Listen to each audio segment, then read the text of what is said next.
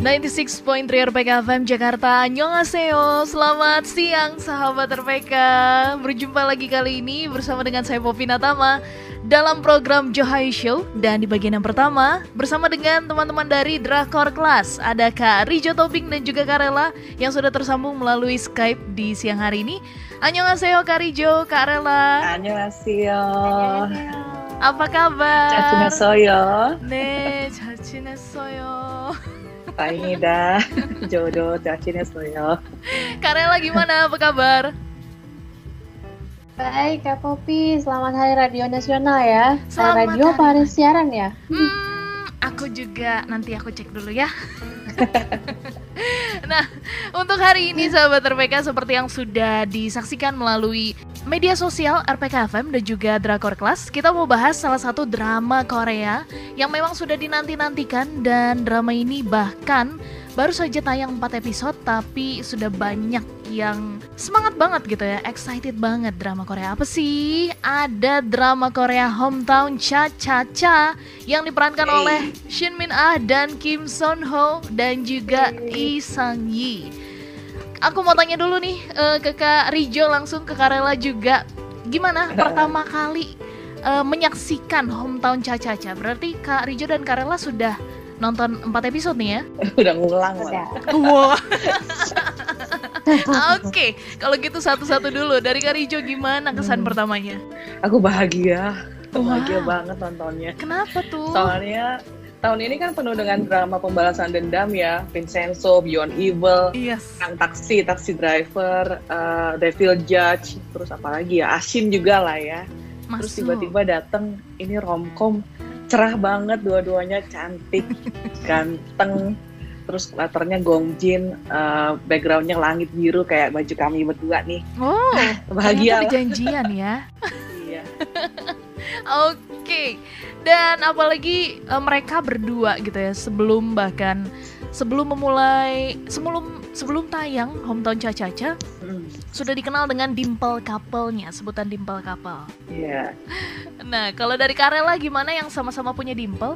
iya tuh Iya, seneng banget nih sama vibes dan drama ini ya. Soalnya eh, drama dengan setting desa gini kan biasanya digambarkan orang-orangnya tuh sederhana Yes. gitu dan punya hati yang hangat.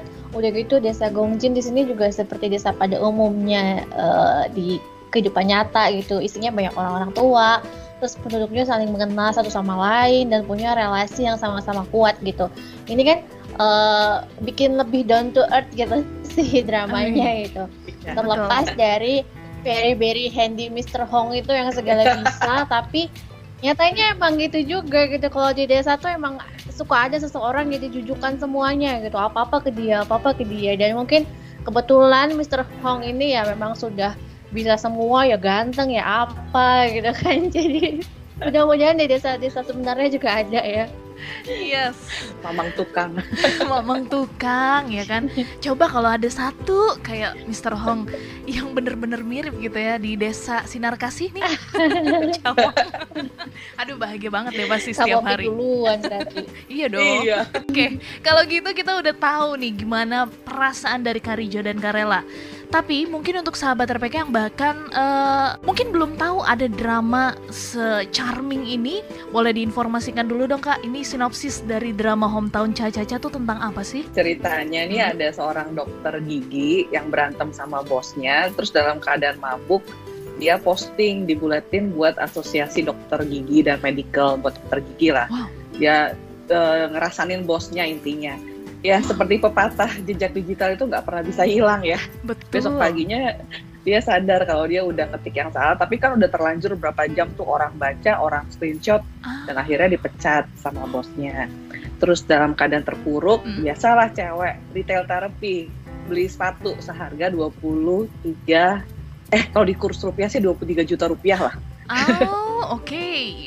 ya dalam keadaan terpuruk itu retail therapy terus dia ke Gongjin satu desa tempat uh, mamanya dia pernah pergi sama mama papanya ke sana sebelum mamanya meninggal jadi itu uh, terkenang Ah. banget dan mamanya hari itu uh, hari kelahirannya ada di episode keempat kalau nggak salah dia bilang kenapa orang lebih ingat hari kematian dibanding hari kelahiran seseorang. Oke. Kalau dari aku sih gitu. Gimana Rel? Dari sisi Bang Jan. Oh, yes. Boleh silakan langsung Karela. Iya.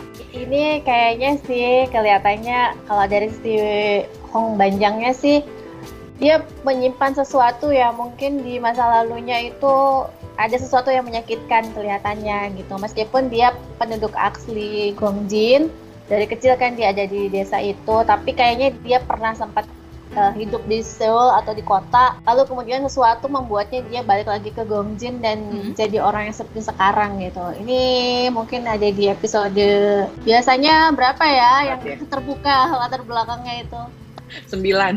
Habis puncak Gitu ya? terus turun. Kalau 16 Ya. episode gitu. Oke, dan sudah dikonfirmasi ini nantinya ada 16 episode ya totalnya ya Karijo ya. Dengar-dengar sih gitu dari Sompi ya, tapi kalau ada lebih juga nggak apa-apa. Apa season 2 Wow. baru season 1 aja baru 4 episode udah langsung lagi ya season 2 luar biasa. Nah, eh, sahabat RPK drama ini eh, memang tayang mengisi slot Sabtu dan Minggu gitu ya. Jadi pengganti drama sebelumnya itu ada The Devil Judge kalau nggak salah ya Karijo ya. Sabtu Karena- Minggu iya dari TVN sama, tapi Yes. Devil Judge nggak ada di Netflix, dia Oh di yes, View ya, Rela ya, View ya, di Nah, View. Ini Netflix si- jadi enak aksesnya. betul si Hometown Caca-Caca ini ada di Netflix dan pas banget nih untuk sahabat RPK yang baru denger ada drama Korea ini, terus denger secharming ini ceritanya bisa langsung nih malam mingguan di rumah aja sambil nonton drakor. Dan Iya. pastinya kita juga masih akan terus berbincang mengenai Hometown Cha-Cha-Cha. Nanti aku mau tanya nih, gimana sih mengenai karakter masing-masing yang dulu sempat sangat heboh di drama sebelumnya. Tapi kita harus jeda break sejenak dan sahabat RPK jangan ke mana-mana, tetap di 96,3 RPK FM Jakarta.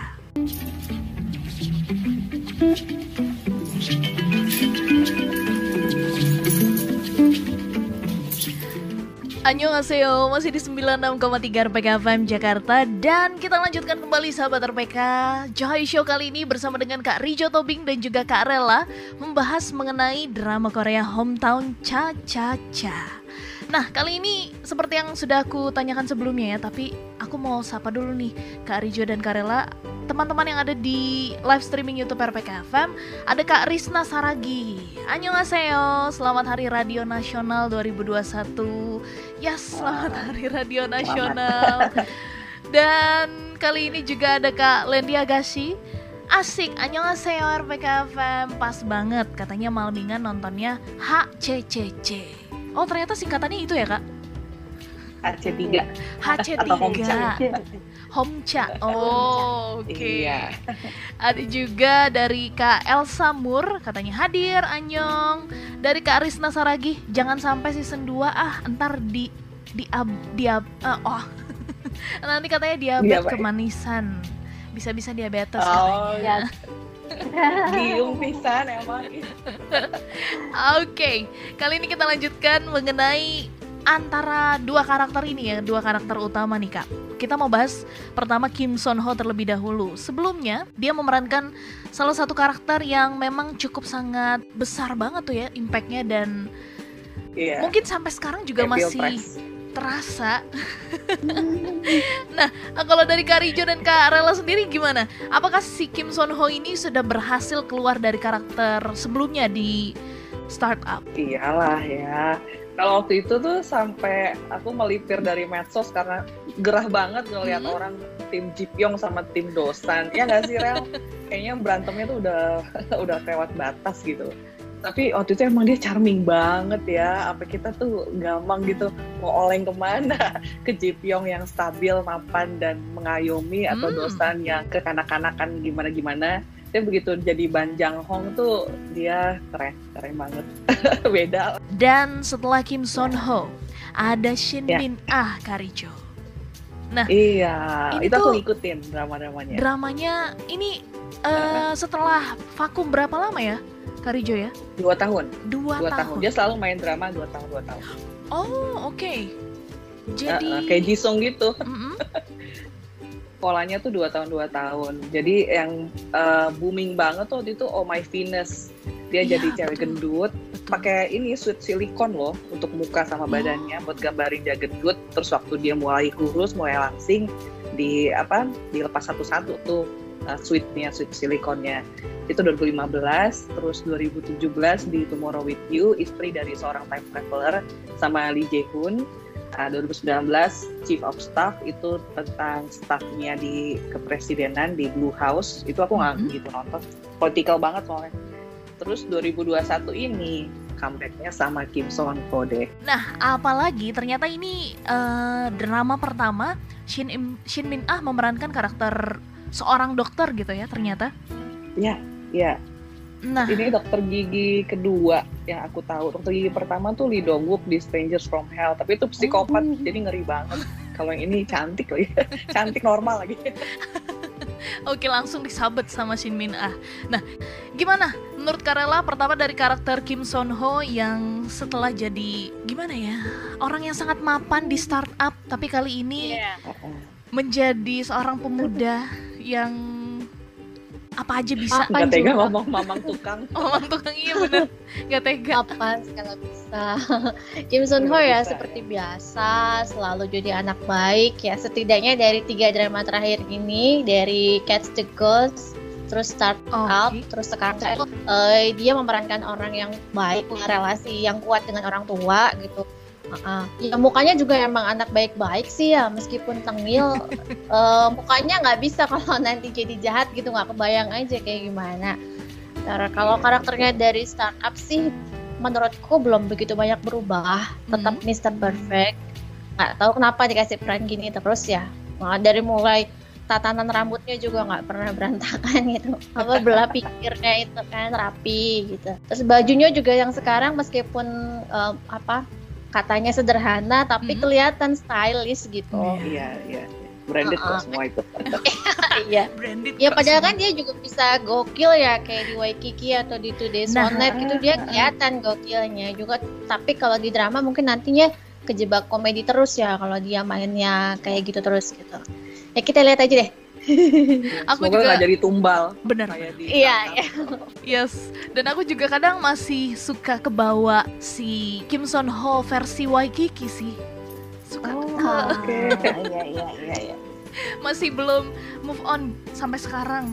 Meskipun sudah digantikan startup gitu ya, tapi masih suka mereka Kim Son Ho di Waikiki. Kalau misalnya udah empat episode udah berapa kali ulang, bisa deh dicoba nih Waikiki yang ada Kim Son Ho Waikiki yang kedua ya. Oh yang kedua ya Iya yang kedua. Setia sama Hong Banjang Yes.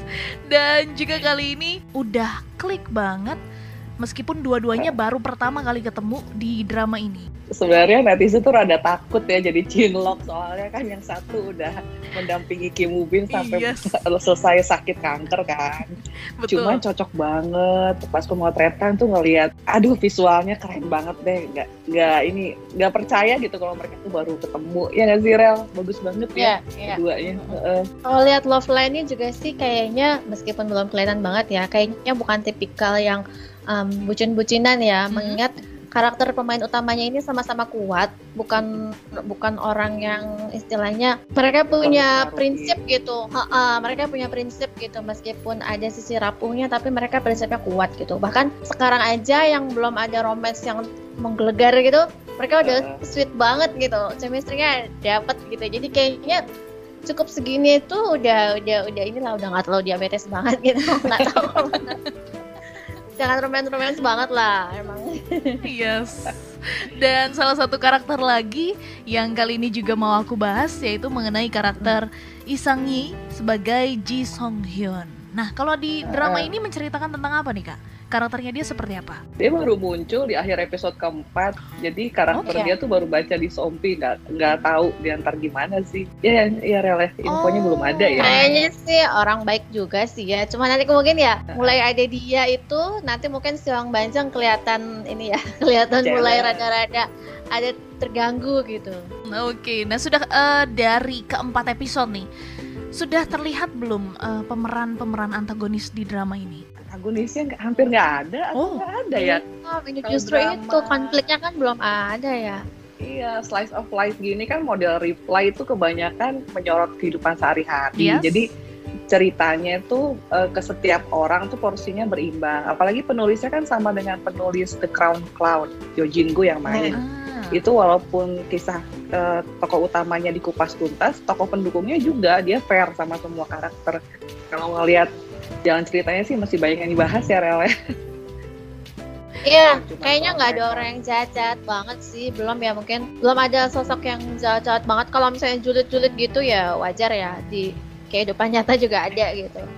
Iya, tetangga julid, emak julid. Iya.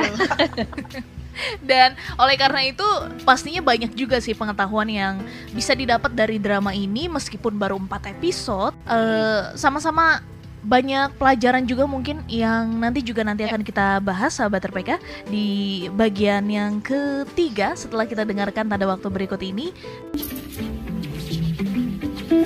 Kembali lagi di 96,3 RPK FM Jakarta dan masih bersama dengan saya Popi Natama juga dari Drakor Class. Di siang hari ini ada Kak Rijo Tobing dan juga Kak Rela. Kita masih berbincang mengenai drama Korea Hongcha yang kali ini sudah tayang sebanyak 4 episode. Nah, dari keempat episode ini gitu ya, apalagi ini kan tentang slice of life gitu Kak. Udah ada berapa mungkin apa aja sih hal-hal yang bisa langsung diambil jadi pelajaran gitu ya dari banyaknya karakter yang ada di drama tersebut. Untuk Bisa. pesannya dari Homcha sih pertama aku jadi tahu cara ngupas cumi yang pertama banget episode 1. Oh ternyata potong itunya dulu. Terus yang kedua eh, seperti biasa sih jangan cepat nilai orang apalagi Hmm. dari orang kota yang kelihatannya kan snobbish banget ya, sombong Yes. banget. Si Hejin ini ke desa tuh ngeliat orang rendah gitu. Tapi kan di, di mana apa bumi dipijak di situ langit dijunjung kurang lebih gitulah harus bisa menyesuaikan diri. Kalau aku gitu aja. Oke, nah kalau dari Karela silakan. Iya, banyak ya. Eh, pertama juga soal menjaga integritas profesi ya. Ah, Si Yejin itu juga bagus banget gitu. Kan kita setuju bahwa ke dokter gigi itu memang mahal ya. Makanya banyak orang-orang yang males gitu kan. Dan dan ternyata di Korea pun itu jadi masalah yang sama gitu. Jadinya diangkat itu berasa relate banget. Iya tuh emang mahal banget gitu. Mana nggak cukup cuma sekali gitu kan. Dan itu memang ternyata juga eh, ya jadi perhatian gitu di sana. Terus juga soal menghargai diri sendiri gitu. Eh, waktu Heijin datang ke Almoni bilang bahwa apa yang bisa dilakukan orang tua untuk anaknya itu adalah dengan tetap sehat dan menjaga dirinya. Ya. Nah itu kan eh, against mindset kita selama ini ya, Hmm. di mana orang tua tuh banting tulang buat anak sampai sakit-sakitan gitu, nggak memikirkan diri sendiri. Padahal kan ini konsep yang nggak sepenuhnya benar gitu. Menurut saya ini self love yang bagus nasihat dari Yejin ini yang harus mulai dipikirkan sama kita kita ini yang masih baru jadi orang tua gitu jangan lupa mencintai diri sendiri membuat diri bahagia karena itu juga bikin anak seneng gitu nggak menyusahkan yes. anak nantinya gitu Merawat Gitu, kesehatan Poppy. sendiri ya. betul Dan ini bisa jadi salah satu hal yang lagi-lagi gitu ya melawan mindset terus mungkin melawan apa yang sudah ada selama ini yang sudah dipercayai banyak orang. Terlebih kali ini yang juga terlihat banget itu mengenai adanya perbedaan generasi gitu ya, Kak Rela dan Kak Iya. Rijo ya antara generasi Iya, iya. Hyejin dan para tetua yang ada di desa Gongjin itu Iya, di sini juga digambarkan dengan sangat jelas ya. Iya. iya. Mm-mm. Unggah-ungguhnya kan masih kental banget di desa. Ada meeting apa harus ikut. Aduh itu berasa Iya. banget kayak di Bandung tahun 80-an. Setiap rapat RT harus dihadiri orang Iya, tua. iya. Tapi Iya. kalau nggak gitu, gimana berelasi, gimana dikenal, gimana mengenal gitu kan. Kelihatan banget wajah Hejin yang tersiksa harus dikit-dikit ikut meeting ini, meeting itu. Cuman ya kembali lagi kalau dia mau long lasting di sana, buka Mhm. usaha di sana, mau nggak mau dia harus ikut dong dengan kebiasaan sana. Walaupun em, bertentangan dengan kepribadiannya yang katanya apa Rel cuma perlu satu teman si Mison aja. Iya. Siapa temanmu? Satu doang, satu nama aja yang dia sebut. Iya. Tapi Khas ya, orang kota banget ya. Iya orang kota banget ya. Oke. Itu rasa kayak dia deh lama-lama. itu bisa jadi salah satu bisa dibilang fightingnya Hyejin di desa Gongjin ya. Iya. Hmm, Oke. Dan sebelum kita berlanjut, kali ini sudah Poppy terima beberapa interaksi masuk di live chat streaming YouTube RPK. Di antaranya ada Kak Talita Rahma. Adegan paling Hmm. manis sampai 4 episode nih yang mana nih?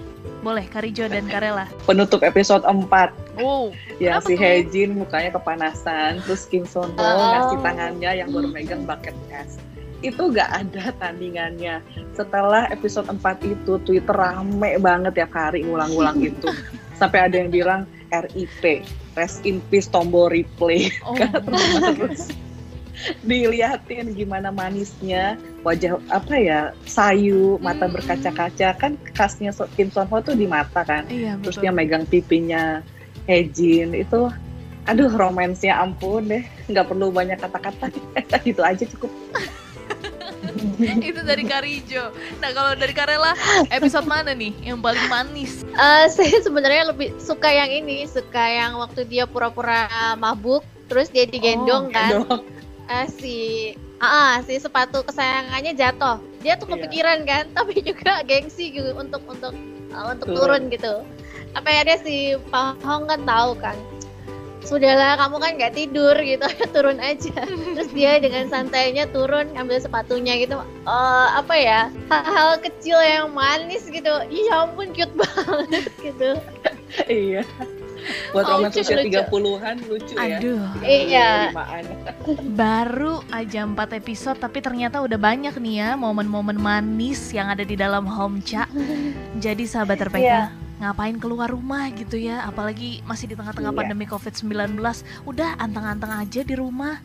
Terus banyak yang bisa dilakukan apalagi nonton Homcha, apalagi baca review di drakorclass.com itu Yes. luar biasa. Yeah. Dan itu tadi kita udah bahas mengenai scene-scene yang manis yang ada di dalam Homcha. Tadi pertanyaan dari Katalita Rahma dan aku mau tanya, mungkin selain scene manis, scene yang paling bikin hmm, ini tuh nggak pernah ada di drama Korea yang lain atau oh Mm. gini toh.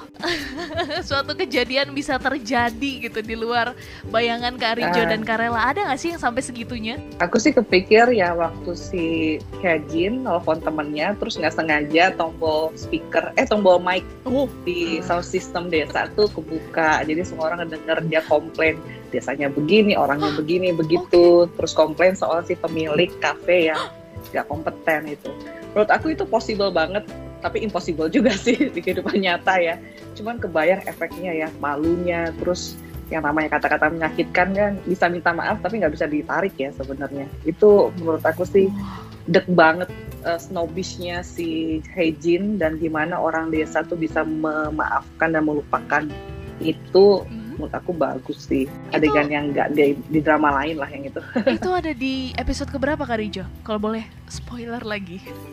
Dua apa tiga kayak dua deh dua kalau nggak salah Oh, Iya. oke.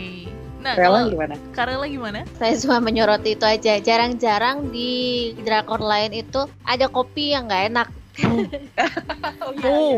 Karena biasanya tem- apa eh, itu kan product placement ya biasanya Iya. penampilan kopi di drama itu jadi selalu digambarkan dengan oh wow kafenya bagus tempatnya bagus kopinya enak gitu kopinya tuh menunjukkan visual kopi yang bagus nah di sini tuh kopi kayak diinjek-injek harkatnya gitu oh nggak enak espressonya pahit apa Oh gitu dan God. si si baristanya pun nggak kompeten itu tadi gitu Heeh. Nah, itu unik juga di situ bahwa ternyata kopi nggak populer kalau di desa Gongjin gitu. Oh. nggak ada saingan juga soalnya ya cuma satu Eh, kafenya Iya. Oke, itu baru banget ternyata. Baru juga aku ngeliat ada drama Korea yang mengejek kopi. Oh, oke. Harus nonton ternyata setelah ini. Dan Ayo. sahabat RPK, jangan ke mana-mana. Kami masih akan terus membahas mengenai keempat episode yang sudah tayang dari drama Korea Hometown Cha Cha Cha. Dan jangan ke mana-mana, kami akan segera kembali setelah jeda break berikut ini. Tetap di 96,3 RPK FM Jakarta. Masih di 96,3 RPK FM Jakarta Nyongaseo sahabat RPK Kali ini kita lanjutkan membahas mengenai hometown Cha bersama dengan Kak Rijo Tobing dan juga Kak Rela kali ini aku mau tanya nih dari ber berbagai pesan yang sudah keluar di beberapa press conference sebelumnya yeah. karakter oh bukan karakter ya bahkan dari sutradaranya sendiri menyampaikan gitu bahwa dari drama ini sangat-sangat relate dengan kehidupan sehari-hari apalagi dari perubahan emosi terus gimana kehangatan orang-orang desa? Apa aja sih? Yang pertama masih di Impel Couple yes. karena dua-duanya visualnya enggak cakep ala Lee Min Ho tapi cakep ya. Kim So Ho tuh ada karismanya. Terus Shin Min Ah itu bukan cantik kayak Song Hye Kyo gitu yang mulus enggak kan? Dia tuh matanya gede terus Uh, secara yeah. fisik juga bukannya yang kurus gimana, tapi ada yang menariknya lah dari dia dari drama ke drama. Terus yang dulu jadi ibunya uh, di episode pertama jadi uh, calon eh apa kliennya yang pengen implan tapi takut mahal. Terus satu lagi yang jadi sahabatnya di Tomorrow with You di Gongjin jadi si landlordnya. Jadi yang punya uh, tempat praktek dan rumahnya. Ya lucu aja sih bisa diikutin sama-sama sama dia setelah empat tahun berlalu gitu loh. Karena di proyek yang baru. Ini juga ternyata re ajang reuni dari Shin Min Ah bersama dengan sutradaranya ya kayak ya? waktu itu di Iya. Sama satu iya. sutradara di Tomorrow with You ternyata. Oh. Iya. ya lucu sih. Yes, kalau dari Kak Rela gimana? Oke, okay, jumpa kapal nggak perlu disebut ya. Udah. Daya tarik lain ya, uh, kayaknya itu tuh kayak apa ya, mem memuaskan jahaga dengan langit cerah ya Gongjin, dengan air laut yang biru yang menyegarkan gitu. Oh kayaknya ah ini nih yang ditunggu-tunggu gitu. Udah mau habis nih 2021 hmm. carilah yang manis-manis ketemulah ini gitu. Jadi kayak ah segar adem lagi ya. Tahun ini iya. dark banget jangan jangan penuh dar-dar-dar gitu drama 2021 yang penuh membara dendam membara kriminalitas aduh aduh benar benar Tuhan jadi ini salah satu drama charming yang bisa sebenarnya menutup 2021 dengan semoga ya semoga bisa menutup 2021 hmm. dengan secharming apa yang sudah dilihat di empat episodenya dan kali yeah. ini baru empat episode tayang mungkin Kak Rijo dan Karela hmm. mau sedikit banyak juga nggak apa-apa sih apa? spoiler Prediksi ya? spoiler lagi di episode selanjutnya tuh akan menceritakan tentang apa kalau lihat spoilernya episode 5 sih eh tapi tau lah spoilernya drama Korea kan dipotong pada saat yang tepat yes. biar pen, biar penonton tuh punya dugaan tertentu yang mungkin nggak terjawab sebenarnya di episode uh, selanjutnya itu uh, produk biasa udah mulai ngegosipin mereka berdua hmm. kan makan berdua terus si yeah. Iya. uh, siapa Ban Jang Hong itu melap uh, mulutnya si Jin yang oh belepotan. Uh, terus kalau latar belakang dia, dia pernah kuliah di Seoul National University. Itu kan hmm. salah satu dari tiga universitas terkenal di Korea, yes, Sky University, Seoul, Korea sama Yonsei. Uh, jadi berarti dia punya latar belakang lain, orang pinter. Terus kenapa dia balik ke desa? Kira-kira diulik kayak gitu sih. Cuman ya aku pengen tergelitik aja sih ya waktu uh, ada scene dia ikut sama Hejin ke Seoul dia kan di drop di satu tempat praktek dokter nah di situ ada tulisan urologi entah kenapa aku kepikir apa oh. dia sakit batu ginjal ya oke okay. out of so, lebay banget sekali Karijo ada yang kasih teori kan dia hmm. sakit uh, terminal illness gitu oh. ya ntar uh, dramanya jadi sedih cuman jangan deh sakit batu ginjal aja nggak apa-apa deh request loh sakitnya Karija luar biasa. Jadi yang Karela harapkan di episode selanjutnya tuh cerita tentang apa? Spoiler. Enggak enggak. Saya saya sih nggak khawatir ya kalau uh, biasa cuplikan TVN saya nggak pernah percaya. Karena pinter banget motong-motongnya ya uh, terus saya sih nggak gitu khawatir dengan rumor warga Gongjin itu. Karena gimana pun juga mereka udah jadi warga kesayangan ya si Hong Bajang itu juga.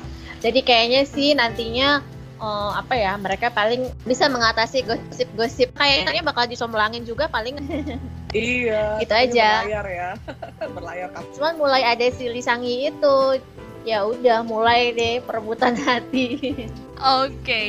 dan kali ini ada satu pertanyaan lagi dari Kak Lendi kali ini nanya harapan ending Homcha. Udah langsung ditanya harapan ending nih. Ini gimana harapan endingnya? Masih 12 episode gitu loh. Aku sih berharap panjang perjalanan. Uh, mereka settle down di Gongjin. bahagia, beranak cucu, terus nanti punya anak diasuh sama nenek Gamri, Oh. gitu aja sih. Simple Panjang gitu. umur banget ya nenek Kamri. Sekarang aja udah punya anak ya? 21 loh. Wah. Oke, Oh, oh. kalau gitu harapan dari Kak Rijo dan Kak Rela kali ini Ya. sekali lagi terima kasih banyak Kak Rijo dan Kak Rela sudah ikut hadir dalam Joy Show dan membahas mengenai hometown Cha-Cha-Cha gimana keharmonisan dimple couple di drama tersebut dan juga terima kasih banyak untuk sahabat RPK yang sudah menyaksikan dan juga mendengarkan siaran kami di 96,3 RPK FM. Kita jumpa lagi bersama dengan Drakor Class di dua pekan yang akan datang ya, Karijo dan Karela ya. Ya, betul. Ah, Oke. Minggu keempat. Minggu keempat membahas tentang apa nanti? So, itu semua masih misteri sahabat RPK. Jadi ditunggu aja. Dan sekali lagi, tetap sehat, tetap semangat sahabat RPK, tetap juga patuhi protokol kesehatan kapan pun dan di mana pun sahabat RPK berada. Kita jumpa lagi Ya. setelah ini Show masih akan terus mengudara tapi aku harus say bye-bye dulu nih ke Kak Rela dan Kak Rijo. Annyeong, Bye-bye. higaseyo. Annyeong Show. Terima kasih RPK. Terima kasih Kak Popi.